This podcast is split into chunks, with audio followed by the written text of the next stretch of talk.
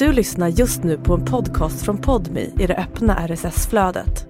För att få tillgång till Podmis alla premiumpoddar helt utan reklam, prova Podmi Premium kostnadsfritt.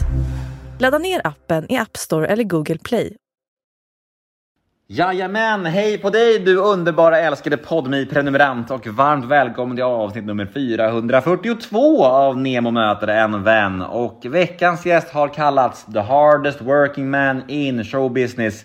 Och med tanke på att han är youtuber, han är programledare, han är DJ, han skriver musik, han kör stand-up och mer grejer därtill så är det knappast en överdrift. Jag snackar givetvis om Anis Don Demina. Mm, ja, det här blev mysigt tycker jag. Han är en mångsysslare av rang. Han har många historier och det är fullt ös när man snackar med Anis och sånt gillar jag.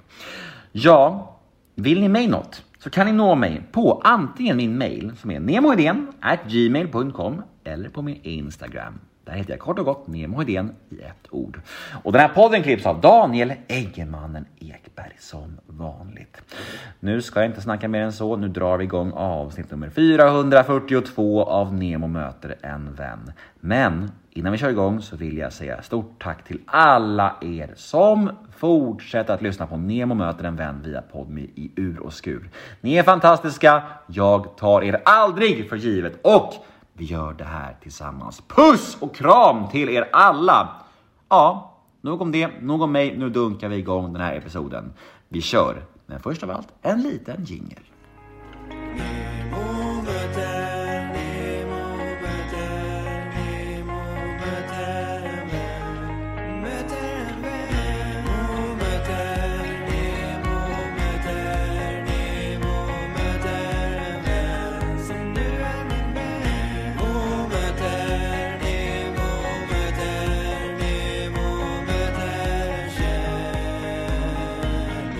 Anis Don Demina in the building. De säger det. Tjena! Får du lägga ifrån dig mobilen din upptagna jävel. Ja, jag ska bara svara på en anställd här som jag säger att han ska ta helg. Uff, anställd. Där lät det business. Big business. Det lät det som du var top of the world. Nej men nej för fan. Jag har så många anställda Nemo, du ska bara Nej, jag veta. Har, jag har en, två, tre kanske. Jag fattar. Vi ger, vi ger, vi ger Anis 15 sekunder till. Ja, vi kör den på måndag, trevlig helg. Så, sorry. Hur är du som chef då? Jag är bäst. Alltså om, får, om du frågar mig. eh, nej men jag är, jag är ganska schysst alltså. Ja. Så länge jobbet blir gjort. Ja. Så länge jobbet blir gjort, gör vad fuck du vill. Mm, Men om inte jobbet blir gjort, då är jag inte din chef längre. nej, Lite så. då går det snabbt. Ja, Ja, hur många chanser ger du en anställd om man gör bort sig lite? det beror lite på vad det är. Mm. och hur allvarligt det är och om det är, alltså första gången kan man ofta liksom ha för lite förbiseende men om man har sagt till och varit tydlig med att det här får aldrig hända igen och så händer det igen, då är det tack och hej. Du har sparkat någon? Nej, Nej. inte så, ja, Kom igen nu! jag har varit jävligt nära. Så om du lyssnar och är anställd av Anis här Bete dig helvete. Exakt Du, det var ingen billig kärra du parkerade med här Min bil, Ja. den är, den är, det är en, ju liten skrothög. Vad var det för kärra? Min bil, Ja. det är en elbil. Ja, Det är en, det är en Porsche. ja jag såg det Kul att det går bra för dig Men men fan, idag är så du, vi tajmar det här jävla intressant dag för att jag har premiär för min special Maskinen, eh, som är min förra standup-föreställning. Vi är mitt i att sälja biljetter och skriva klart föreställning nummer två vi ska ut med i maj. På det så går Underdogs nu på SVT varje lördag 20.00. Och sen ska det ut Youtube-videos, jag är så jävla mycket att göra, det är högsäsong nu alltså. För jag skrev det här när jag skulle eh, liksom ringa in dig, då skrev jag såhär DJ, komiker, programledare, rappare, youtuber Har jag glömt något? Det har du säkert. Influ- influencer? Influencer antar jag, jag väl, det beror lite på vilken dag i veckan det är. Vad har vi kvar att beta av där då? Eh, Skådis eller? Nej jag har testat, jag suger. Är så rutten skådespelare. Låt Det- höra, låt höra! Så här, folk tror att det är lätt att skådespela men det är en fucking konst, får man svära här eller? Kör på Det är en, det är en konst eh, som jag har väldigt mycket respekt för och som jag vet jag inte har den Jag har inte den eh, viljan att göra det som krävs för att bli bra på det. Till skillnad från typ stand-up comedy som också är nytt för mig men där är jag såhär, fan jag andas där. Mm. Vad eh, känner du dig mest hemma i? Vad är, liksom, vad är din hemmaplan skulle du säga? Är det fortfarande DJ-grejen som är du? DJ-grejen kommer ju alltid vara trygg, jag har gjort det sen jag var, det har gjorts längst Ja. liksom. Det har gjorts sen jag var 17-18, så i 12 år liksom, det gör ju i sömnen. Och det tycker jag är fett roligt fortfarande. Eh, Youtube är jag också hemma i. Det är ju väldigt uppslukad i. Hela tiden ska du, vi ska, det ska ut tre, fyra videos i veckan och det finns liksom inte något annat. Mm. Eh, så det, och det är jag väldigt bekväm i. Mm.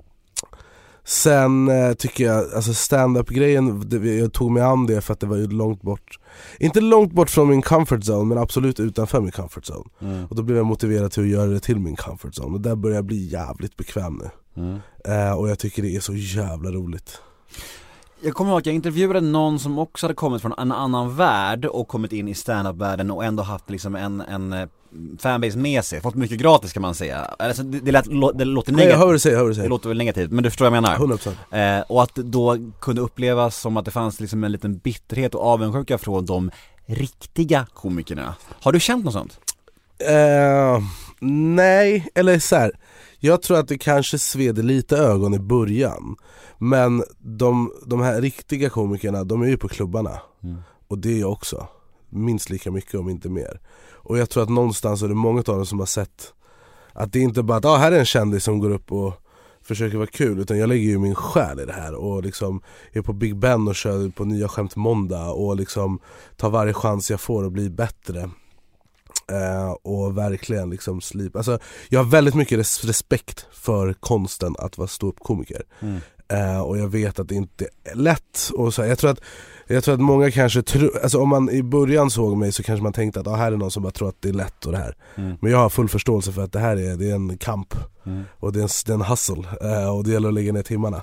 Så jag tror att många av de här riktiga komik- komikerna har sett att jag liksom lägger ner arbetet. Mm. Och då tror jag inte det är, då är det bara rimligt liksom. Men du lägger ju upp då och då bilder på andra så här, ikoner från standup-världen, som så här, Johan Rheborg Ja, jag älskar att ta selfie med Johan Rheborg. Ja, och Johan Rheborg, Babben Larsson många av de här Ja. som har varit med i gamet i 100 år Ja. Vilken av de här profilerna har imponerat på dig mest när du sett dem in action? Alltså när det är just Babben, ja Babben har ju hoppat in lite som mentor åt mig för föreställning nummer två, Medias Ej som vi ska ut med nu i maj Mm. eh, Så jag har ju verkligen jobbat väldigt nära Babben eh, och hon har liksom hjälpt mig och liksom vi sitter en, två gånger i veckan, sen filmar jag av, jag giggar ju varje vecka, så filmar jag av det, kommer tillbaka till henne, hon ger mig feedback, jag tar med det Eh, så hon, lär, hon har lärt mig extremt mycket om konsten att vara komiker. Eh, Så jag har otroligt mycket respekt för Babben. Men sen så har du ju folk som typ Johan Rheborg eller Johan Glans eller Carl Stanley. Eh, det, var någon gång jag giggade med Carl Stanley på Norra Brunn och sen, jag, jag hade ett jävligt bra sätt, alltså jag, jag kände, jag bara fan jag kan det här Och sen klev Carl Stanley upp och jag insåg att jag är sämst Ehm, Så det, det, jag, tycker all, jag tycker många av de här som har hållit på liksom en längre tid, de är ju proffs på ett sätt som är liksom Framförallt för mig som börjar förstå mig på vad stand-up faktiskt är. Det är ju inte bara att gå upp och dra skämt, utan det är en hel vetenskap. Och när jag börjar förstå vetenskapen och se hur de implementerar den, då, är det liksom, då blir man ju imponerad på ett helt annat sätt. Alla de är ju också liksom otroliga på eget vis. Alla är inte likadana, alla har ju sin egen stil av stand-up. Och jag tycker alla de här veteranerna, David Batra, Johan Glans, Per Andersson, alla de är liksom alla har någonting som jag beundrar liksom. Mm. Men var det svårare än du trodde när du faktiskt eh, klev upp på scen första gången? Alltså grejen är så här, när jag, började, när jag gjorde det här första gången, då var det inte så här att jag bara ah, jag ska bli komiker Utan jag hade varit på Norra Brunn eh, för skojs skull. Och så var det en kille som var eh, konferenser en kväll som heter Simon Gashesby som jag haft lite kontakt med. Och så står jag och snackar med han lite efter och han bara 'Fan du borde testa standup” lala. och jag bara jag, säger, jag har alltid kollat på standup, jag har alltid älskat standup”. Gått på mycket standup genom åren. Eh, och jag var såhär, ja jag gillar tanken av det men jag vet fan, så, bara, så han bara, han bara men säg till för då kanske vi kan lösa så du kan få testa på Norra Brunn. Och det är ju så, vem som helst får inte gigga på Norra Brunn, det är ju så Sveriges mest anrika standupklubb. Ehm, Och det kändes på något sätt fett Att bara säga, om, jag ska göra debut, då ska jag göra det på Brunnen, det är jävligt kaxigt. Ehm, Men då sa jag men vi gör det som en youtube-video.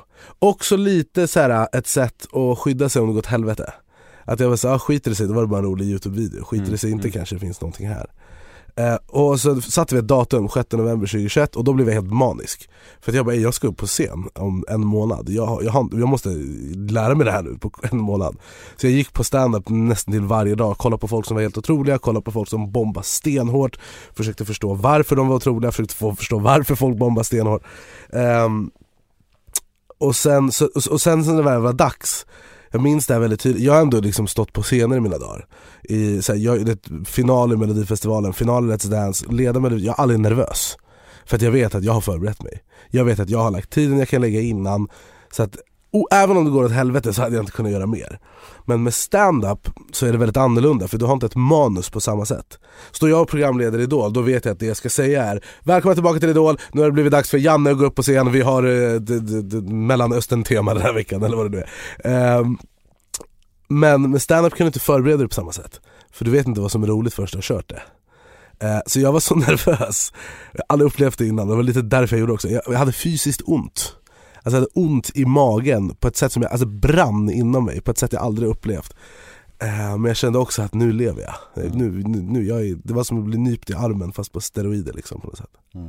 Men hur har det sett ut då, de, de här två åren och, sen, och, och verka fram de här föreställningarna? För nu kommer din andra här till maj Ja. Ja, det är, det en turné Ja. Och när du ska bygga en föreställning så här, du, du får hjälp av Babben Vi älskar Babben i den här podden Det Hon är är, bra. hon är, Alla älskar mig, men hon, det finns Ja. inte, inget att inte älska. ja, hon är underbar, vi älskar henne Eh, men, men, men när du liksom ska fixa fram nytt material så här, hur går det till? Alltså hur många chanser ger du ett skämt när du ska testköra skämtet på publik och så här? Det beror lite på. Vissa skämt är ju liksom sanna historier som jag ofta vet är roliga. Alltså jag vet att det är kul att Dermot Clemenger säger Neck Nemo som betyder knulla din mamma på bästa sändningstid på Let's Dance final tack vare mig. Det är roligt, det spelar ingen roll hur du vrider och vänder på det. Så där är så här, vissa skämt ger jag mig inte för att jag vet att det finns där, jag måste bara hitta det. Eh, andra skämt är liksom inte kanske, oh, jag, jag, körde, körde igår eh, på ett ställe som heter LOL Comedy och då hade jag ett skämt som jag har kört ganska mycket men det, det, det har inte riktigt landat där jag vill att det ska landa. Och då bytte jag plats på det och la det innan ett skämt som är lite liknande men mycket roligare. Och då hittade det sin plats. Så vissa skämt skrotade jag bara. Alltså jag hade lite skämt om typ Magdalena Andersson och typ så här för att det var val förut. Men jag insåg att det är inte kul när det inte är liksom på tapeten. Nej. Men jag vet inte, alltså jag blir Funkar inte ett skämt första gången, då tar jag ett varv och bara säger okej varför funkar inte det här? Eh, om i 99% av fallen så är det för det var inte kul, det är så enkelt. Eh, men den här en procenten, det är de skämten som sen landar i en föreställning. Men fan vad fett, vi, vi säger det till alla lyssnare då, att man kan ju se det på turné i maj. Man kan se mig på turné i maj, vi har åtta stopp den här våren, eh, kan bli så att vi åker ut på hösten också men vi vet inte än, det beror lite på. Eh, men eh, ja, så att det- vi åtta, jag tror det är Trollhättan, eh, Karlstad, Växjö, Malmö, Göteborg, Stockholm på Cirkus. Eh, det är så omotiverat, alltså jag är så taggad på Cirkus. Det kommer vara, jag kan typ pen- pension efter. För att alltså, om jag lyckas sälja ut det då är det 1500 pers. Att, jag, Shit. att, jag, Ja. att gå ut på scen och köra stand-up för 1500 pers Alltså den tanken gör mig kåt. Det är så sjukt. Det är så orimligt pirr i magen av att Ja. prata om det. Eller vi ska göra massa städer ni kan kolla på mina sociala medier men det är jag, vi, släppte ju min special idag från förra turnén. Mm. Det var liksom, jag hade kört stand-up i ett halvår sen åkte jag på turné som en idiot. Men det var väldigt lärorikt. Eh, och jag satt och kollade på den idag, jag älskar den föreställningen. Men jag hör ju klasskillnaden i mina skämt. Mm. Jag hör att det här är en person som har kört stand-up i 45 minuter Jämfört med mina nya grejer där jag bara okej, här är det liksom coachad av proffs, eh, välslipat, erfarenheten av att gigga mycket för att och så vidare. Mm. Eh, så att det är verkligen, om man gillade föreställning nummer ett då tror jag man verkligen kommer gilla nummer två. Mm, kul. Du, vi ska leka en lek. Kör, Tycker du om lekar? jag älskar leken. Ja, bra. Leken heter associationsleken. Okej, Det går ut på att jag säger ett namn eller företeelse eller um, projekt från ditt liv Ja. och du ska spåna fritt utifrån det. Du får se de tankar och känslor som kommer till ditt huvud när du hör ordet. ska jag säga ett ord eller fler? Du får utveckla hur länge du vill. Okej, Du får snacka i 10 minuter eller Oh, 5 okej, okej. eller fem sekunder. okej, Är du med då? jag är med. Associationsleken med Anis Don Demina börjar nu. Intervjuer. Men jag har intervjuat väldigt mycket människor. Eh, min första tanke när vi säger intervjuer är ju Einar såklart. Eh, och I mean, det, det var en viktig del av min YouTube-karriär Men också lite en grej jag la av med för, eh, för, eh, efter allt med Nisse och det, för att jag var såhär den här svenska rap-grejen Det ballade ur, alltså det var så här, och min kärlek för svensk hiphop dog lite. Men jag gillar intervjukonceptet så vi gör det fortfarande i min talkshow, då är vi igång. Där vi har, det är mycket gäster och så här. Mm. Men det första är det första jag tänker på nu, så är intervjuer När jag säger intervjuer så menar jag lika mycket om man vänder på micken som i den här situationen vi sitter nu till exempel. Ja, Vad är känslorna då? då?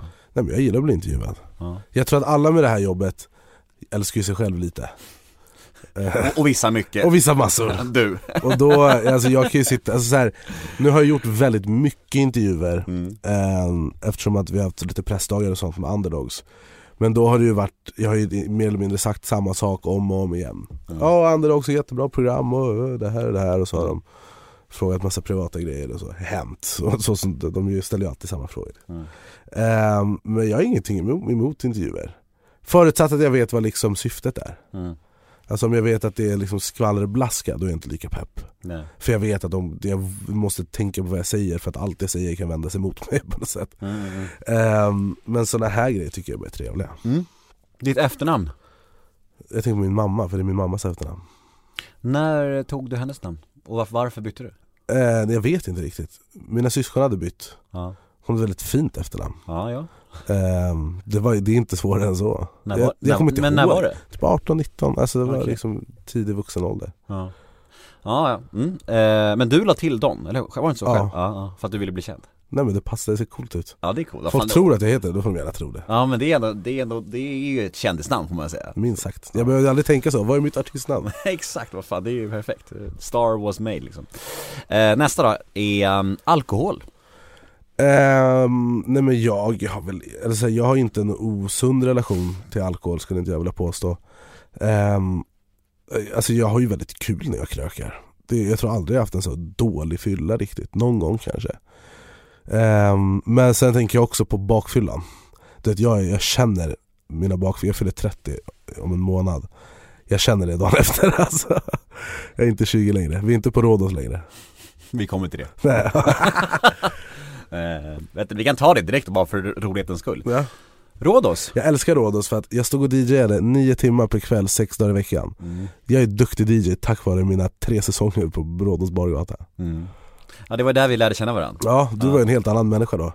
Det kan man Fy fan, säga. du var lost alltså. Ja, jag kommer ihåg en, en sån här sekvens på Rhodos när jag, alltså jag var så risig, jag hade så här, typ bajsat ner mig eller fan som helst. Du var verkligen, alltså du var trasig var du. Alltså om man tycker jag var trasig kungen av Tylösand så var Rhodos ännu värre. Ja. det det, så var liksom en dålig version av den versionen du var på Kungen av Tylösand. Exakt! Det är ändå, så, så här, kungen av Tylösand Nemo utan någonting kvar. Ja fy fan det var mörkt. Ja men jag kommer ihåg att det var någon sekvens där när jag stod liksom så här, jag stod typ vid dig och så kom typ, vad heter han, eh, Olof Göransson Ja, och, ja, och, och Stjernberg och bara så här intervention med mig och de bara Du måste göra som Tengil, du måste också bli nykter och Ja. jag bara "Öh, de, ta, hade, mig, de ta, hade en poäng ta mig hem, ta mig hem Ja för fan, ja, det är tur att vi, eh, vi har båda bättre liv nu kan man ju säga. Härligt, du eh, nästa ord är viktpendlande Nej men alltså, ja jag hör vad du säger. Grejen är så här, jag vägde 150 kilo när jag var som störst. Och sen insåg jag att nu måste jag göra något där. Jag gick ner till 110. Sen så hände livet. Så gick jag upp till 130. Så gick jag ner till 110. Nu är jag typ på 115. Men jag har också slutat tänka att jag måste gå ner i vikt utan nu fokuserar jag bara på att må bra. Så det är så här, jag har perioder där jag är pisshård med min kost och bara okej nu droppar jag i vikt.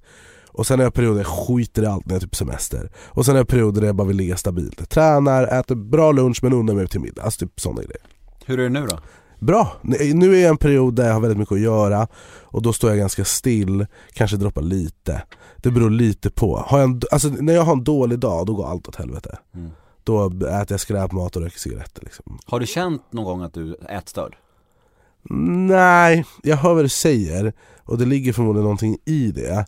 Men jag tror aldrig jag har identifierat mig själv som det. För jag vet att om jag bara slutar så kommer det bli bra. Eller så. Mm. Det handlar, all, alltså så här, livet handlar om balans.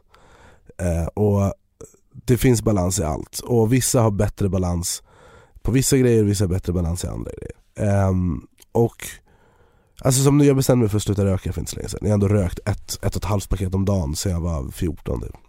En stor del av min vardag.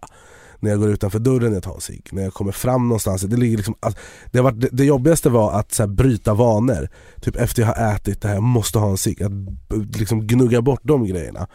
Nu är det så här, jag tar en cigg här och var ibland, typ på helger och så, eh, ibland på en vardag om jag, typ, om jag har mycket. Eh, men jag känner ändå så att jag, jag, har kunnat, jag kunde sluta röka. Eh, och jag tror att jag kommer hålla på lite fram och tillbaka, aldrig röka på heltid igen. Men ha sig till hand som jag behöver det här och var tills det kommer en dag att nu skiter jag i det Mm. eh, Och det är, alltså jag tror att inget av de här grejerna är en, en sprint utan ett maraton. Saker måste få ta tid. Mm. Och det är samma med träning. Jag kan, alltså, om jag vill, jag kan gå ner, jag kan ner 30 kilo på två månader. Men då kommer jag gå upp 30 kilo på 14 dagar sen. Utan det handlar om att göra det, vad man än nu försöker liksom göra sig av med, om det är cigarettrökning eller dålig kost eller vad det är. Så är det liksom att eh, man måste låta det ta tid. Mm. Och eh, den bästa motivationen är när man ser resultat. Alltså man, typ jag mår bättre av att träna. Har jag en dålig dag då går jag till gymmet numera. Mm. Förut åt jag Big Mac. Nu är det så här, jag kan äta Big Mac nu också visserligen men jag ser till att gå till gymmet i alla fall. För att det gör någonting med mig som gör att jag blir, mår bra liksom. Mm. Har du någonting som, som triggar det här, eh, liksom, ja men gamla, just det här, jag vet inte, äta, äta för mycket? Ja när jag eh, är ledsen, arg eller stressad. Ja, Det är så här, fuck allt. ja, ja. Det är liksom där jag kan tendera att landa. Det är inte sunt heller tror jag. Nej. Men ehm, det är väl det skulle jag säga. Ja, Jag fattar. Eh, nästa ord är relationer. Ja, är Nu kom den, hänt-frågan! Ja, där är den. Nej men jag har träffat en jättefin tjej, en jättefin tjej. Grattis. Eh, Det är väldigt nytt. Eh, och så, men eh, det känns bra. Mm. Härligt. Hur är du som pojkvän? Nej, men jag är väldigt känsloladdad. Alltså jag känner ju väldigt mycket. Mm. Och det är på gott och ont. För det gör ju att mina kärleksfulla delar blir väldigt kärleksfulla. Men mina liksom osäkra delar blir väldigt osäkra i vissa liksom ja, men så här, Typ i mitt jobb och så här. Då måste jag alltid ifrågasätta vissa saker och vara på min vakt och så. Och det kan, kan jag tänka alltså jag tror att, att överlag, det behöver inte vara mig specifikt, men att vara ihop med någon som är offentlig har verkligen sina för och nackdelar. Ja. I form av att du får någon som är driven, någon som brinner för någonting, någon som älskar sitt jobb och liksom är flexibel och har det bra ekonomiskt, alla de här delarna. Eh, och ofta så går det också hand i hand med att man är liksom gillar att göra grejer och är kreativ i, i hur man är gentemot sin partner.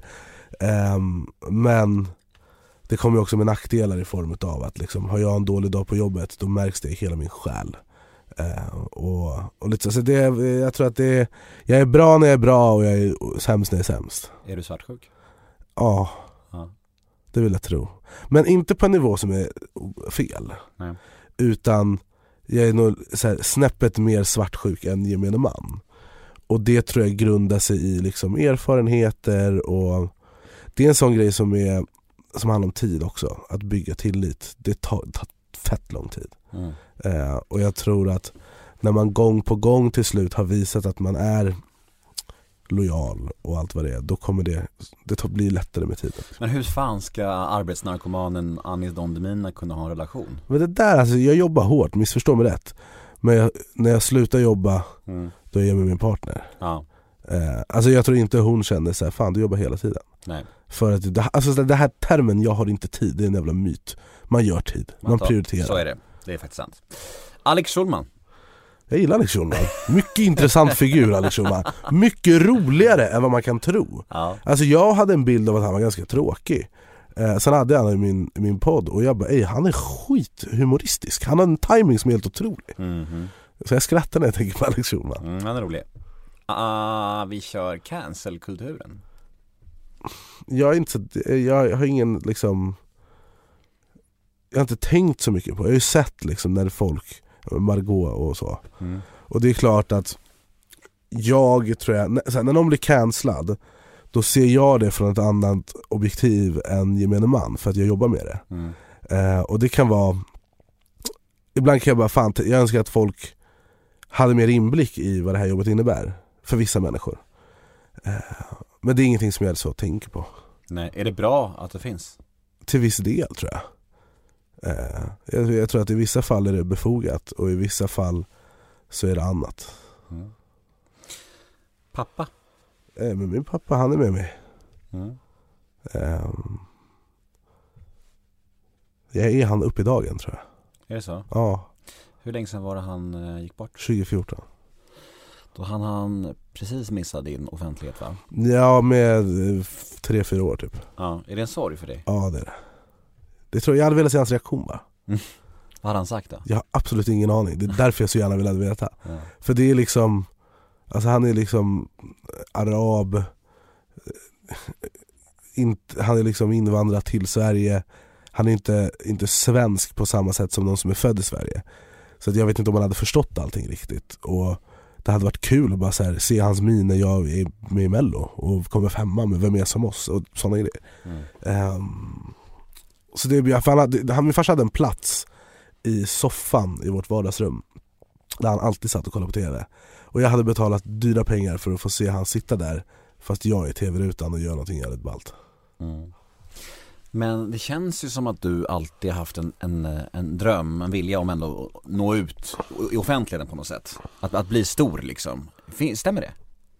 Jag har alltid velat vara något märkvärdigt tror jag. Eh, sen jag var liten liksom. Jag har alltid varit teaterapa och gjort musik och rappat och, och haft mig. Eh, och alltid vetat någonstans att här kommer jag landa. Eh, det har all, alltid varit en självklarhet på något sätt. Och, men jag, det, jag tror inte jag hade velat vara känd för att vara känd. Utan jag hade velat vara känd för att jag har någon form av talang eller är rolig eller kan sjunga bra eller vad fan det är. Mm. Men vi kan ju ta den som nästa punkt då, ba- barndom. För att det är intressant ändå, v- vad tänkte du att du skulle landa i, i den här märkvärdigheten då? Vad Jag trodde jag skulle bli artist. Och sen när jag blev DJ trodde jag jag skulle bli Swedish House Mafia. Eller jag var ganska säker. Och sen så blev det youtuber på något jävla vänster. Och så blev jag ju allt annat också sen. Mm. Så det är väldigt kul. Mm. Vem var du som barn förutom att du sökte till det här? Alltså rent personlighetsmässigt, hur, hur, fun- hur funkade skolan och så? Nej men jag var väldigt jag var bra i skolan. Eh, jag var yngsta barnet så jag var ju lite som mammas pojke på något sätt. Ehm, och nej men jag var full av liv och liksom kreativ. Väldigt kreativ och självlärd. Jag hittade alltid så saker, jag så här, låste upp iPhones typ och så här, lärde mig fett mycket skit via youtube tutorials. Allt hur musik, Ableton Live och Logic Pro funkar till hur man mixar EDM, alltså allt jag kan har jag för fan lärt mig på youtube. Ehm, sen, jag var bra i skolan men jag hoppade av. Jag hade bra betyg när jag hoppade av. Ehm, men då jobbade jag som säljare och bara sa "Ey, jag är fett bra på det här. Ehm, och min jag, jag slösade min tid i skolan. När hoppade du av? I mitten på tvåan. Och eh, vad sa mamma och pappa då? Eh, jag sa det inte förrän det hade gått typ ett halvår.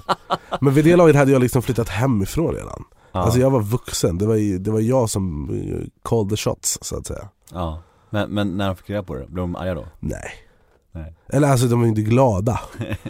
Eh, de min bror hade också hoppat av. Så det var liksom, det var inte superpoppis kanske. Nej. Vilket jag förstår.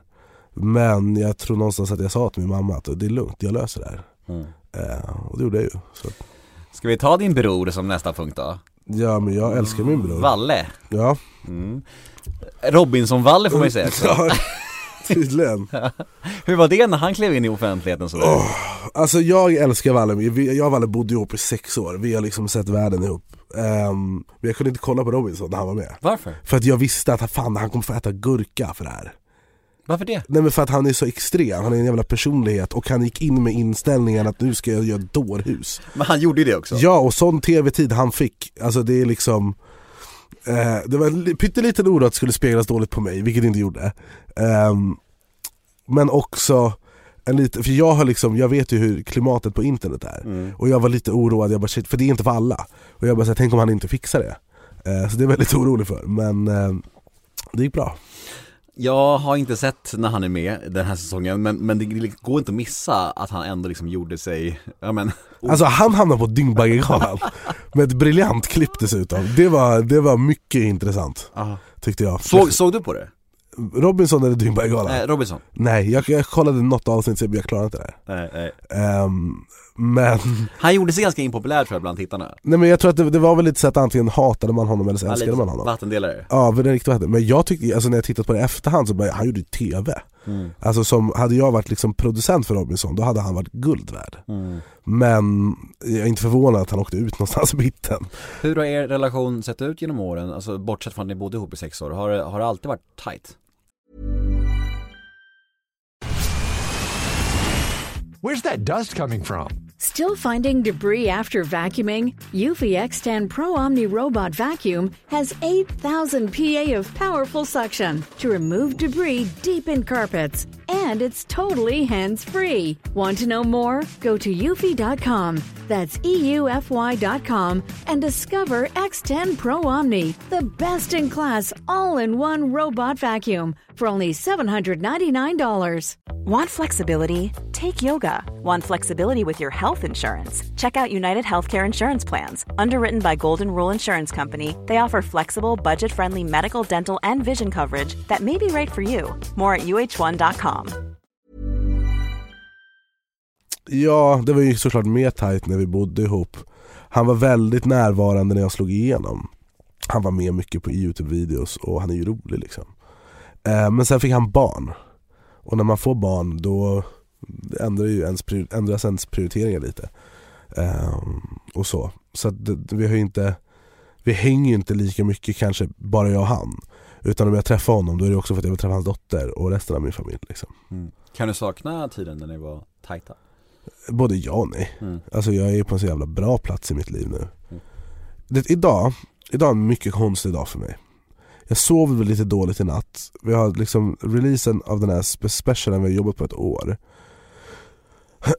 Och jag satt i bilen på väg hit och solen lyste och jag har haft en dålig dag så här, överlag. Men så satt jag där och jag bara, vad fuck har jag att inte vara glad över? Mm. Jag fattar inte på något sätt. Jag bara så här, jag blev irriterad på mig själv.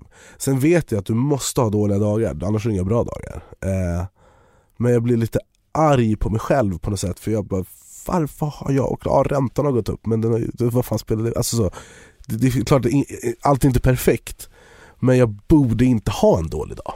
Men sömnen kan ju spela in supermycket Ja. Och sen, sen, jag antar att du sen bara tänkte så här. här sitter jag i en eh, svindyr eldriven Porsche Så var det lugnt sen Nej, nej men mer så här Jag att bara jag borde, idag borde vara en glad dag. Ja jag förstår, med releasen och allt Eh, Ja, men jag tror också att det är lite så här att jag gömmer mig från att det är lite läskigt. Mm. Att för att man, jag blottar ju mig i den här specialen. Alltså jag går ut och kör stand-up. Det är en grej att göra det för publik, det är en, en annan grej att göra det för hela svenska folket. Mm. Och även om jag litar på min liksom min, ehm, min förmåga att vara rolig så vet jag också att mina nya skämt är så jävla mycket bättre än de gamla. Jag såg den här specialen första gången idag, Mm. jag har inte sett en frame. Mm. För jag, jag vill inte se förrän det är klart. Ehm, och sen tittade jag på den och jag bara såhär, ah, okej jag är stolt över det här men fan det nya är så mycket bättre. Mm. Och, och jag tror att det här är en jävla arbetsskada En arbetsskada i att jag blir aldrig nöjd. Jag kan aldrig bara, fan vad fett, jag har släppt en special. Ja, det här är det, jag blev, blev komiker för ett och ett halvt år sedan. Folk drömmer om att släppa en special. Och nu har jag gjort det. Och ska ut på en andra turné och göra fucking cirkus i maj. Mm. Men jag blir direkt så här: jag måste göra bättre, jag måste göra bättre. Jag tror att det är min bästa vän och min största fiende för att jag slutar aldrig utvecklas men jag har också svårt att njuta av grejer.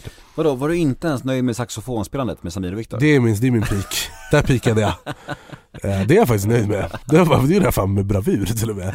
Jag tror till och med du sa i, i, i förra gången du var med i den här podden att, att det var fake till och med Det är fake. alla instrument i mello är fake. Ja jag vet, Alltså du, de kan inte ha live-instrument, det går Nej, inte. Men det var ju folk som trodde jag kunde spela saxofon i typ två år efter. uff, om inte det är en kickmagnet så vet jag inte Ja, men det är svårt att spela saxofon alltså. Jag kan tänka mig det, kan du det? Nej. Nej, kan du någon alls instrument? Ja, jag kan spela piano, gitarr och lite munspel. Ja, du ser, ja, det går ingen nöd på dig Nej. Nej men, men eh, är det all new material i nya Självklart, special? självklart. Ja, snyggt Vi är liksom på slutklämmen nu. Det är därför jag giggar så jävla mycket nu innan. Så är det alltid. In, Ta det här rätt nu, men hur mycket skämtas det om din egen vikt i nya? Inte mycket alls. Nej, För i den första var det typ det enda jag skämtade om. ja, jag vet Och det eh, är, var någonting som jag tänkte på. ja. För det är den billiga vägen. Det är också den rimliga vägen när du precis börjar, för du, du, du gräver alltid där du står. Mm.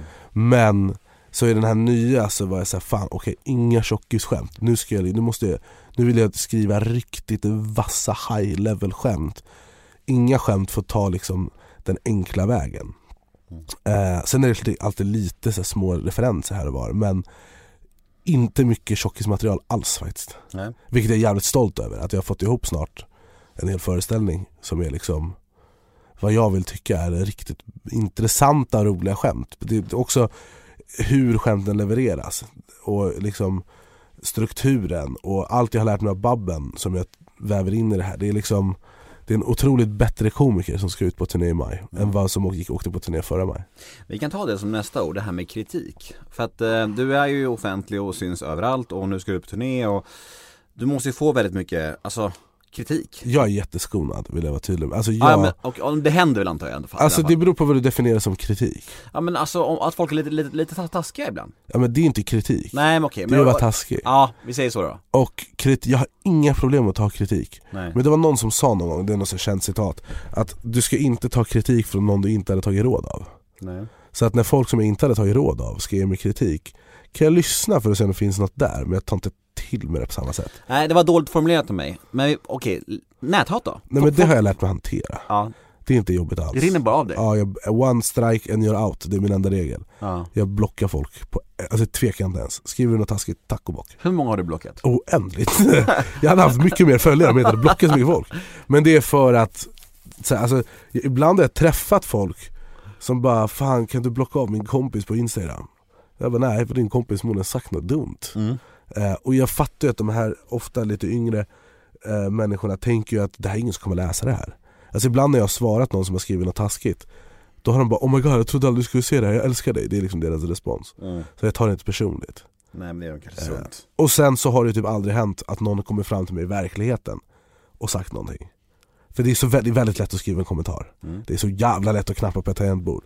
Men att gå fram till någon, titta någon i ögonen och säga någonting som du eventuellt då tycker som är taskigt. Det är en helt annan ballgame och det är, jag tror inte många som vågar det. Nu kommer nästa ord här. Paddel. Eh, Du, du, lagt av. Va? Tack och hej. Vadå då? Vad hände? Ja, men den guldruschen dog ju. Ja, men för dig personligen då? Där jag tröttnade. Var det så? Badminton har jag börjat spela igen. Ja men vad, vad, vad intressant att du dog med hypen Jag dog med hypen. Som en tvättäkta Jävla trendmänniska alltså! Så här, jag, jag tyckte padel var jävligt kul. Och i början när alla spelade, då var det så här, vi åkte till fucking Arlanda för att spela padel. Mm, Rosersberg? Ja, nu så här, alltså det är mäckigt att få ihop fyra pers, jag bara orkar inte. Nej. Och så ska man liksom hitta folk som håller samman, jag var ju manisk, jag spelade med tränare och var superseriös. Eh, Och var, jobbade mycket med Rocket Eh, bolaget så, här. så det- nej, jag eh, Också att jag insåg att, så här, för jag sa ju såhär, men det är bra träning Men det är mycket enklare att gå till gymmet än att styra upp fyra man för två timmar padel Däremot typ så här, om jag åker utomlands, uppe i Spanien, utomhus, fint väder, kvällssol Då är fan padel det finaste vi har Mm. Så du har lagt ner det alltså? Ja. Fick man ju aldrig spela med dig? Nej, Kanske kommer någon gång? en vacker dag. Ja. Är du duktig? Jag är nog bättre än dig nu i alla fall Säg inte det. Jag körde tränare en gång i veckan i ett år typ. Ja men jag kör väldigt, väldigt mycket. Ja. Jag har kört, men ma, ma, jag var manisk som du sa i, Ja. i typ två år och nu kör jag i alla fall några gånger i veckan fortfarande. Ja men det, då är du förmodligen bättre än mig. Ja, men någon gång får vi lira. 100% Du, jag, Kronlund och Lernström. Ja. Har du kört med dem? Ja. Vad, vad tycker du om dem? Det här är kul. Nej men alltså, Kronlunds spelstil, Kro- nej, men han, Den är så han- jävla speciell, han spelar eller hur? Han spelar pingis. vad är det? De här Ehm, lirkande handlederna. och, och Per är så jävla så här, han är så ettrig. Alltså, galen också. Ja, och lång. Och han är, det känns som att han blir en miljon meter längre när han sträcker på sig också. Ja, jag vet. Eh, men vi har spelat, det är Både kul. Per Lernström och Fredrik Wikingsson, alltså deras vinnarskallar, de slåss Ja, under racket, är ja, ja. galna Per är ju superidrottare, alltså i, i själen. Men jag messade Per häromdagen Vi har inte pratat med han sen Idolfinalen. Mm. Eh, Och jag bara tja, läget, hoppas du mår bra typ. Mm. Han bara tjena, ja fan kul att höra, paddel snart. Du bara nej, Badminton, exakt. Jag älskar Per. Ja man, han är fin. Ja vi går vidare, nästa ord är ditt skratt. Så Min val- hårdvaluta.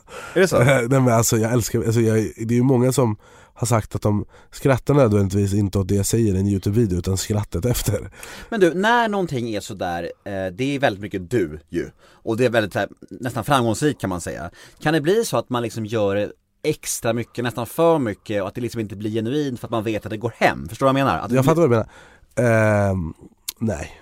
Nej. nej, alltså är något kul skrattar jag, är något inte kul skrattar jag nog inte. Men du skulle aldrig liksom så här trycka fram det och fejka lite mer för att det är så här, folk gillar det ju liksom. Nej, oftast när jag väl börjar skratta då, kan, då skrattar jag liksom. Ja. Det är svårt att kontrollera det, det är lite, det är som ett tåg. Tåg. Maskinen och tåget. Ja, Ja. Pengar? Ehm, ja vad vill du veta? Nej men vad är det... Vad jag tjänar? Vill du säga? Absolut Nej inte. jag visste det. Nej men vad, alltså, vad tänker du om det? Är, är det viktigt för dig? Är det en drivkraft? Jag skäms lite ibland när jag kollar mitt konto och typ har skickat en lite större faktura till något företag och så ser jag att den har kommit in för jag blir så glad. Mm. Och det skäms jag lite över. Varför? Jag tycker det är lite hemskt. Men det är någonting, så här. pengar i sig är inte super, eh, alltså det är så här. Förut var det mer att jag brydde mig mer om det. Mm. Alltså nu, nu är det inte lika viktigt på samma sätt. Däremot, tryggheten jag får av att veta att jag har X pengar, den tryggheten för mig är väldigt viktig. Mm. Den gör mig, den gör mig lugn och lugn gör mig glad. Mm. Bra, det kändes ärligt det svaret, det var fint. Eh, det var det första som du var ärligt med. Nej ja, nästa. Danny Saucedo. Eh, världens snällaste, men han fuckade mig. Men på ett roligt sätt, och jag fick pröjs. Så det var okej på att ta de pengarna. Ja man fick pröjs för med där. Det var det första jag frågade min manager när jag klev av. Jag blev grundlurad, för de som inte vet vad jag är med i ett program som heter Ägd, som, som finns på Prime eller vad fan det är. Mm. Där jag gick upp och körde stand-up eh, och Danny Saucedo hade en lång tid liksom lurat in att han skulle försöka göra stand-up och han skulle köra fem minuter innan mig och så började han dra mina skämt, för han var på min föreställning några dagar innan. Just det. Och publiken dör av garv. Och jag vill först vill jag bara säga vad fuck är det som händer? Sen tänkte jag att han kanske fick panik och vet att mina skämt funkar. Och jag bara säga det är lugnt, jag har mer skämt. Eh, Men det jag inte visste då var att det var 300 statister som satt där. Så att när jag gick upp på scen och började dra mina skämt och in, alltså inte ens mina säkra kort funkar Då, det var tufft. Men du fattade inte alls? Nej, Nej. nej nej nej. Hur mycket ångest var det? När att väl stå där, grejen var att vissa av de här statisterna kunde inte hålla sig för skratt. Så fyra, fem personer skrattade ändå. Mm. Och då, då lät det ju som att jag kan liksom, jag måste bara komma igenom den här väggen. Mm. För då folk måste bara förstå, det var ju också ett företagsgig jag blev du som Ja. satt va. Så, eh, och, så jag bara, jag måste bara få dem att förstå att det är okej att skratta. Eh, Så jag gav ju inte upp heller, jag, då, då, du får filma i tre minuter, jag stod där i 20 Ehm, Och sen så skrattade jag ju såklart när jag fick fatta att det var ett skämt eh, Och sen gick jag till min manager Robin och sa hur mycket pengar fick jag för det här? Och sen så sa han, och så sa jag okej det är lugnt Det var någon av de här ägda avsnitten som inte kunde sändas på grund av någon omständighet. Vad fan var det? Ingen aning Nej jag hade hört att det var någon sån här skit som hände. Fan jag hoppas, hade hoppats du visste om det. Nej jag, jag, jag, det ringer någon klocka när du säger det men jag vet fan inte specifikt Eller så berättar du sen off mic. ja nästa då. Filippa Toremo. Ehm, Får man säga pass? Ja du får säga vad du vill. Ja. Nej men jag har inte så mycket att säga, det är liksom ett ex Får jag fråga en fråga om det? Kör Han gå ett ögonblick där du trodde att det var ditt barn? Nej Nej. Det stred lite mot eh, fysikens lagar Ja. Eh, Så att nej Okej. Bra, vi går vidare. Nästa ord är Joakim Lundell. ja, men jag, jag gillar Jocke Vi hade han precis i min podd Ehm, jag gillar Jocke, grejen är såhär, Jocke är, jag har känt Jocke nu ganska nä, relativt nära vill jag säga ändå I snart sex år. Eh, Och vi har ändå haft kontakt till och från och jag beundrar honom för hans driv. Eh, Men han är ibland, ibland agerar han i affekt. Och jag har försökt säga till honom att ibland kanske du inte ska göra det, jag fattar att det är lättare sagt än gjort. Men så här, typ när han, ryter, när han börjar väsnas och ger en reaktion för att folk vill ha en reaktion Mm. som inte är så bra Alltså man kan ju inte ens tänka sig hur det är Nej, fy fan! alltså. Förstår du? Ja, alltså? nej jag kan inte ens föreställa mig. Jag- Han är, han är fan gjord av sten. Ja det är sjukt alltså. Men jag vet att det är många, alltså jag kan ha ringt han ibland och bara fan softa lite nu. ja. Jag fattar att du är arg, jag fattar att här, men ta det bara lugnt. Ja. Jag bara, du, vin, du kan inte vinna den här fighten. Du är alldeles för stor för att veva mot dem där. Ja. Det är liksom där, Alltså det, min manager sa en grej till mig för massa år sedan, typ tre och fyra år sedan. mm, Som jag, som, som jag har bärt med mig i det här. För att jag fattar Jocke också. mm, För när folk skriver taskiga saker, det är klart jag kan bli arg. mm, Och så var det en gång någon hade skrivit något riktigt hemskt, det var något som min farsa typ, att Mm. han var död och sånt Och då ringde jag min manager Robin och jag bara hörru snälla, får jag bara ta reda på vem den här personen är och ringa hans morsa och berätta för henne att hennes son är en horunge. Jag var så jävla arg. Och så sa Robin så här, han bara, han bara låtsas att du är Ed Sheeran. Jag bara okej. Han bara, tror du Ed Sheeran hade gjort det här? Jag bara nej, det hade han inte. Han bara nej, var Ed Sheeran. Jag bara, du har rätt. Det är så. Mm.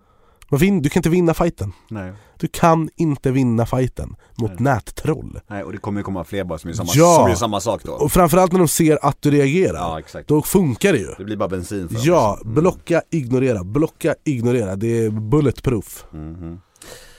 Offentligheten. Hur har du förändrats av ditt kändisskap skulle du säga? Och har du det? Både ja och nej. Alltså, på gott och ont. Alltså det är så här. Jag, blivit, jag vill tro att jag är en väldigt bra version av mig själv. Och jag har gått i, alltså, jag blev ju offentlig väldigt fort. Utan någon liksom, ingen att riktigt luta mig på. Alltså det, det är en grej om du liksom föds så, känd, alltså om du har någon känd förälder, eller så jag tänker på typ Lance Hedman eller så här. Benji Ingrosso. Typ. Eh, och det är inget, jag säger det är absolut inget negativt. Men det är ett sätt. Jag kom ju från ingenstans och var inte förberedd. Var, visste inte att det här skulle komma. Sen kom det. Det var ju bara att spänna fast sig och lära sig hantera det. Och det har ju sina för och nackdelar men jag gillar ju att se glaset halvfullt istället för halvtomt och se det fina i det. Eh, När är du så, som oskönast tror du i ditt kändisskap? Nej, uff, när jag haft en dålig dag. Och typ jag var på väg hit när jag var på väg till min bil, mina hörlurar i, jag lyssnar på något jag ville lyssna på, jag vill bara vara i fred. Och så kommer en, ett, en, en, tio ungdomar. Och jag hör att de ropar på mig.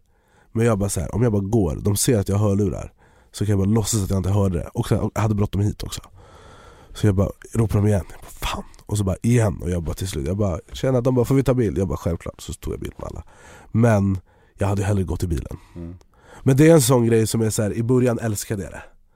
Och jag tror att hade det försvunnit nu, då hade jag saknat det. Mm. Men ibland vill jag bara gå till min bil. Eller köpa min Billys panpizza eller vad fuck det är. Ehm, alltså man kan inte alltid vara på humör bara. Nej. Och det är mänskligt. Ehm, men jag tror att offentligheten har gett mig, eh, alltså, jag är ju väldigt lyckligt lottad. Jag får göra det jag älskar varje dag och jag tar inte det för givet. Inte överhuvudtaget. Eh, utan jag är så jävla tacksam varje jävla dag. Och liksom de som jobbar med mig i mitt, alltså jag har ju liksom som sagt anställda och folk i ett team som jobbar med mig varje dag. Och som går upp varje dag och jobbar för min dröm på något sätt. Eh, och så betalar de hyran med det. Mm. Vilket är jävligt ballt också på något sätt. Eh, och lite läskigt att så här, folk betalar hyran och förlitar sig på min existens. Ehm, jag vet inte, jag vill tro någonstans att det inte har förändrats. Alltså jag, jag tycker inte jag är bättre än någon annan. Alltså jag tycker jag är bäst på det jag gör men jag är inte bättre än någon annan. Eh, så att jag, jag vet inte, jag tror att, vill, vill tro att det har gett mig bra saker. Alltså det är som allt, det är bra och dåligt. Mm. Hade jag blivit mäklare då hade det också gett mig bra och dåliga saker förmodligen. Som Samir. Ja men han, heja honom. Ja, king. Mello. Du, eh, blir det mer mello för dig tror du någon gång? Det är ingen aning. Man, alltså, n- n- man, man kan inte säga nej på den frågan. Nej. För det är ingen som tror de kommer göra mello igen och så gör de det tre gånger till. Ja. Ehm, Och det är ingen dörr man vill stänga heller? nej men jag gillar mello, det är det största fönstret vi har. Mm. Och jag har mycket kärlek till melodifestivalen. Ehm, men jag tror hellre, hade jag fått välja hade jag, hade jag velat leda det igen. Mm. Gärna med Oscar Sia igen. För jag tycker vi gjorde det väldigt bra. Ehm, men jag kommer ihåg, eh, efter, jag, gjorde, jag, jag var saxofonist ett år, jag var med i Messiana ett år, jag var, kom femma med Vem är som oss ett år, jag programledde med Oscar ett år. Så fyra år i rad hade jag någonting med Mello att göra. Var det fyra år i rad också? Det var fyra år i rad ja. Shit, Jag alltså. tror det var någonting historiskt i att utöver, jag vet inte om det här stämmer ens, men det var någon som sa det till mig, att utöver Christer Björkman så var jag den enda som hade stått på melloscenen fyra år i rad.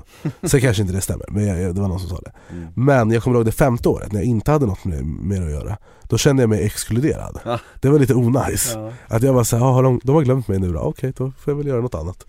eh, också sjukt när man är i det, för då tänker man att varenda person bryr sig om det här och det är så jävla stort. Och det, och det är det på ett sätt, men det är också inte så mycket som man kanske tror när man är i det. För att när man står utanför den bubblan, då är det är inte, det är liksom, världen kretsar inte kring det som man Nej. tror att den gör. Men musiken överlag då, vad, vad, eh, Vad tänker du om den biten? Det känns som en lite låg prio för dig just nu att släppa ny musik och så eller? Alltså jag släppte en singel i november Mm, det vet jag. och den gick ganska bra vill jag tro. Alltså det blev inte så en hit men eh, den blev vad jag, trodde den skulle bli, eh, vilket jag är nöjd med. Sen så skriver jag mycket musik. Eh, mycket liksom så, jag sitter och spelar ukulele och bara skriver för att det är ett sätt att ventilera. Men jag måste lite bestämma mig vilken väg jag vill ta bara. Mm. Ehm, men det finns lite planer för det också. Alltså jag åker ju på sommarturné efter standup-turnén som DJ liksom. Och då kör jag alltid lite live på slutet, kör flaggan i topp och Vem är som oss liksom. Mm. Och de hitsen som jag har. Mm. Ehm, och det är jävligt kul. Dejan Kulusevski. Ehm, älskar det, beundrar det. Det är fascinerande hur att få, att få eh, lära känna honom och få en inblick i hur det är att vara ett fotbollsproffs på riktigt i liksom Premier League. Eh, och Juventus, jag hälsar på honom i både Italien och England. Eh, och det är väldigt häftigt, det är väldigt coolt och det är väldigt fascinerande och eh, han älskar så jävla mycket att spela fotboll. Och jag beundrar hans kärlek till den. Hur lärde du känna honom? efter vi gjorde EM-låten tror jag Som vi gjorde för landslaget eh, för förra EM Du och Sami va? Jag och Sam exakt Mm. eh, Och på den vägen liksom. Mm. Vad var det fetaste var i Turin? Var det Turin eller? Ja, Turin Ja. Eller, sen var det London eller? Ja, alltså London var fett för det var ju liksom Han fick mycket mer speltid när vi var i London Mm. Jämfört med när vi var i Italien Han trivs bättre också eh, Känns det som, I, liksom, vi kom ju i slutet av hans Italienvistelse Ehm, Och sen så fick vi, det var ju London Derby Alltså eh, Arsenal, Tottenham. Jag, alltså jag bryr mig inte om fotboll. Jag bryr mig om landslaget och jag bryr mig om Tottenham. Alltså när Tottenham spelar då kan jag kolla. Eh, förutsatt att Dejan är på plan. När han, när han blir utbytt jag stänger av. Ehm, men det är spännande, det var kul, det var viktigt. Fan vad fett. Eh, Idol. För att det var ju så jävla speciellt tycker jag när du klev in där. Det kändes ändå som att du skötte det ganska bra tycker jag. Du hade inte gjort så mycket tv-gig innan det. Du hade gjort lite grann, eller? Men inte jättemycket eller? Inte mycket. Jag Nej. mello, Ja, ett program och eh, typ Rockbjörn. ja men precis. Men, det, och, men, men i Idol var det lite mer kontinuerligt ju. Ja. Och, och, vad skulle du säga var liksom de största utmaningarna och vad var liksom tuffare än vad du trodde innan och hur minns du själv det? M- Mängden tid som eh, går in i det och vilket stort maskineri Idol är som tv-program var det jag var mest så här, fascinerad över. Att det är så jävla mycket folk här och alla fyller en funktion och folk är väldigt duktiga och, och så. Sen var det också otroligt fett att få jobba så nära Per Lernström. För att han är Sveriges bästa programledare. Ehm, och jag lär mig så mycket av honom. Eh, och av mig själv. Och liksom, det var lite som när jag började med stand-up också. Jag bara så här, nu ska jag bli bra på det här. Mm. Jag vill inte bli rädd när kameran blir röd ovanför, när lampan blir röd ovanför kameran och man vet att det är en miljon personer som tittar. Utan jag ska vara lika trygg i det som jag är trygg i att sitta och skita. Alltså typ så. Mm, mm, mm. Det var nice. Okej, vi är klara med eh, associationsleken. Okej, Och nu ska vi beta av några snabbfrågor innan jag släpper iväg dig. take it away. Ja, vi kör. Snabbfrågorna och den första lyder Paradrätt. Uff, det beror lite på vilken liksom, jag har precis börjat laga mycket mat. Mm. Så Eh. om jag kommer hem till dig och du ska imponera på mig, vad gör du? Om du kommer hem till mig, Ja, eller en tjej? eh, nej, men jag har en oxfilé tryffelpasta som är jävligt fin. Mm, det låter gott. Det lagade jag till min tjej. Vad, sa- Eh, vad sa hon? hon, bara, den var, hon gick och åt när jag gick på toa för hon vågade inte fråga om hon fick ta mer. Ja. För hon skämdes lite. Så gick jag på toa, då gick hon åt från köket tydligen. Berättade hon i efterhand. Och sen efter sa hon så här: Put a ring on it. Ja men lite så. Ja. Vad missbrukar du? Ehm, ingenting tror jag. Har ingen last som stör lite? Cigaretter kanske fortfarande lite. Mm. Men det jobbar ju, alltså, det, fast det är inte ett missbruk längre, det var ett missbruk när jag ett paket om dagen. Mm. Nu är det bara, det ska bara göras med av med. Jag missbrukar ehm, mig själv på något sätt. För att jag slutar aldrig jobba. Och om jag inte hänger med min tjej, då jobbar jag.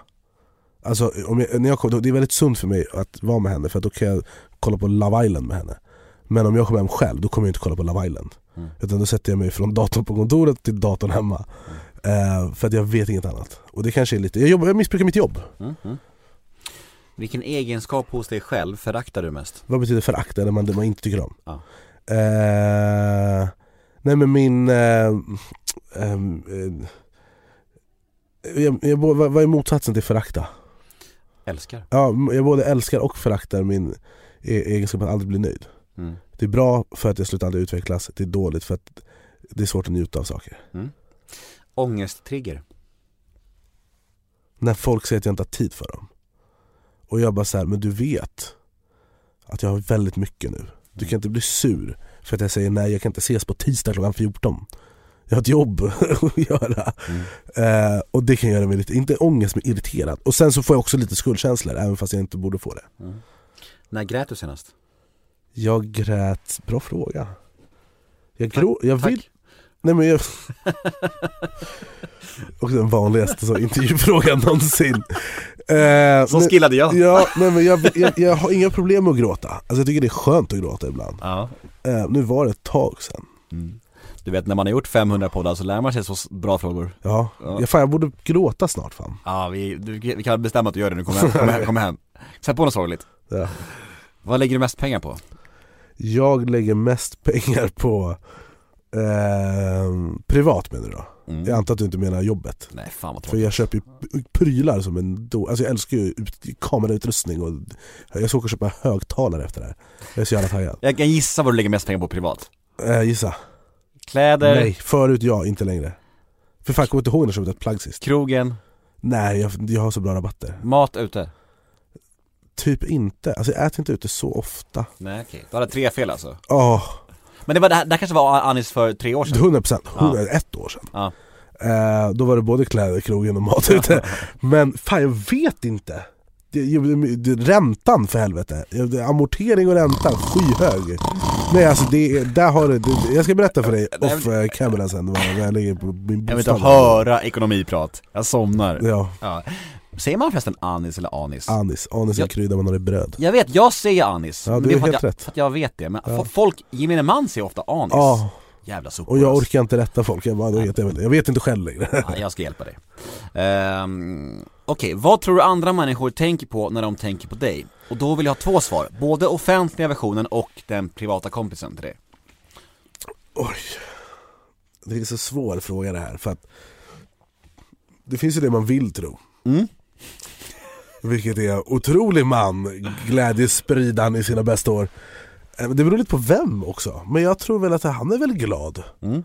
Det är det, det, det jag tror så här. Han som skrattar. Mm.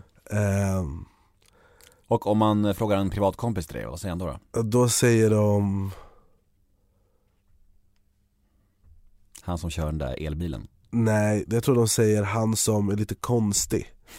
För att de jo, men, jo, men på ett sätt som är bra, att jag så här, Jag är så jävla grabbig i att om jag typ så här, om jag hittar en ny hobby imorgon, säg att jag börjar spela biljard. Best believe att jag kommer köpa den bästa den biljardkön man kan hitta och de finaste såna här som man, eh, en sån krita. Alltså jag, blir, jag blir manisk när jag tycker någonting är roligt, jag blir så fan nu vill jag bara, jag vill ha de bästa grejerna och så ska jag bli bäst på det. Mm. eh, Och det går liksom inte att stoppa mig när jag väl är igång Jag fattar. Alltså jag typ nu har jag hittat en liten ny kärlek till att producera housemusik Jag har suttit liksom hemma och bara så eh, Och så bara okej, nu har jag fattat att det här är kul, det här kan, det här kan vara min nya grej att zona ut med, sitta i timmar Då köper jag lite skön studioutrustning, för jag har, det jag har hemma det är så här, äh. Så jag går och köper på riktigt bra högtalare, eh, lite bättre ljudkort och lite sådana grejer Och- Och det går, inte, det går inte att sätta stopp för mig på något sätt Nej. Jag blir såhär, nu ska jag sätta tänderna i det här Mm. Det får mig att, att försvinna lite också, det är så jävla nice Mm. Tidsfråga innan det kommer en house-låt från dig alltså. Det finns risk. Mm, spännande. Sista frågan då, vi är framme vid poddens eh, slut och vi har frågan Vad kommer du aldrig förstå dig på att andra människor tycker om? Jag kommer aldrig Bra för det är också mycket, 500 poddar hör man här.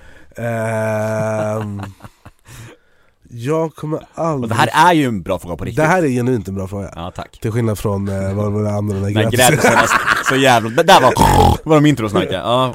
Jag fattar inte Hur Man kan ha ljudet på när man intervjuar en kändis. Ja det var du, inte jag. Det var jag, ja. Jag skäms, förlåt. Eh, jag, fan jag måste hitta något bra på det här, för det här, det här är en bra Jag måste, fan jag tänker ofta på det här. Jag fattar inte hur Formulera frågan igen. Vad kommer du aldrig förstå dig på att andra människor tycker om? Jag kommer aldrig förstå att andra människor tycker om Kryddan anis Det smakar lakrits, lakrits är äckligt. Lakrits, där har du eller typ så, surströmming. Ja, det är svårt. Eller typ så här folk som har öppna relationer. Mm, Det kommer jag aldrig förstå. svårt. Jag kan liksom, jag respekterar det. Men jag får lite ont i magen av tanken av det. Mm. Ja, det är svårt. Så så är det. Du, eh, vi är klara för idag. Kul! Tack för att du kom förbi. Det var mitt nöje. Ja, vi eh, hörs och ses och puss på er alla älskade lyssnare. Vi hörs igen nästa måndag. Var rädda om er. Puss och kram från Nemo Anis Anis. Ja, köp, eh, köp biljetter till min föreställning Medis Ej, kolla på min andra föreställning, Maskinen finns på SVT, kolla på Underdogs på SVT, kolla på mig på Youtube, följ mig på Instagram. Eh, ni ska ha tack. Hej då!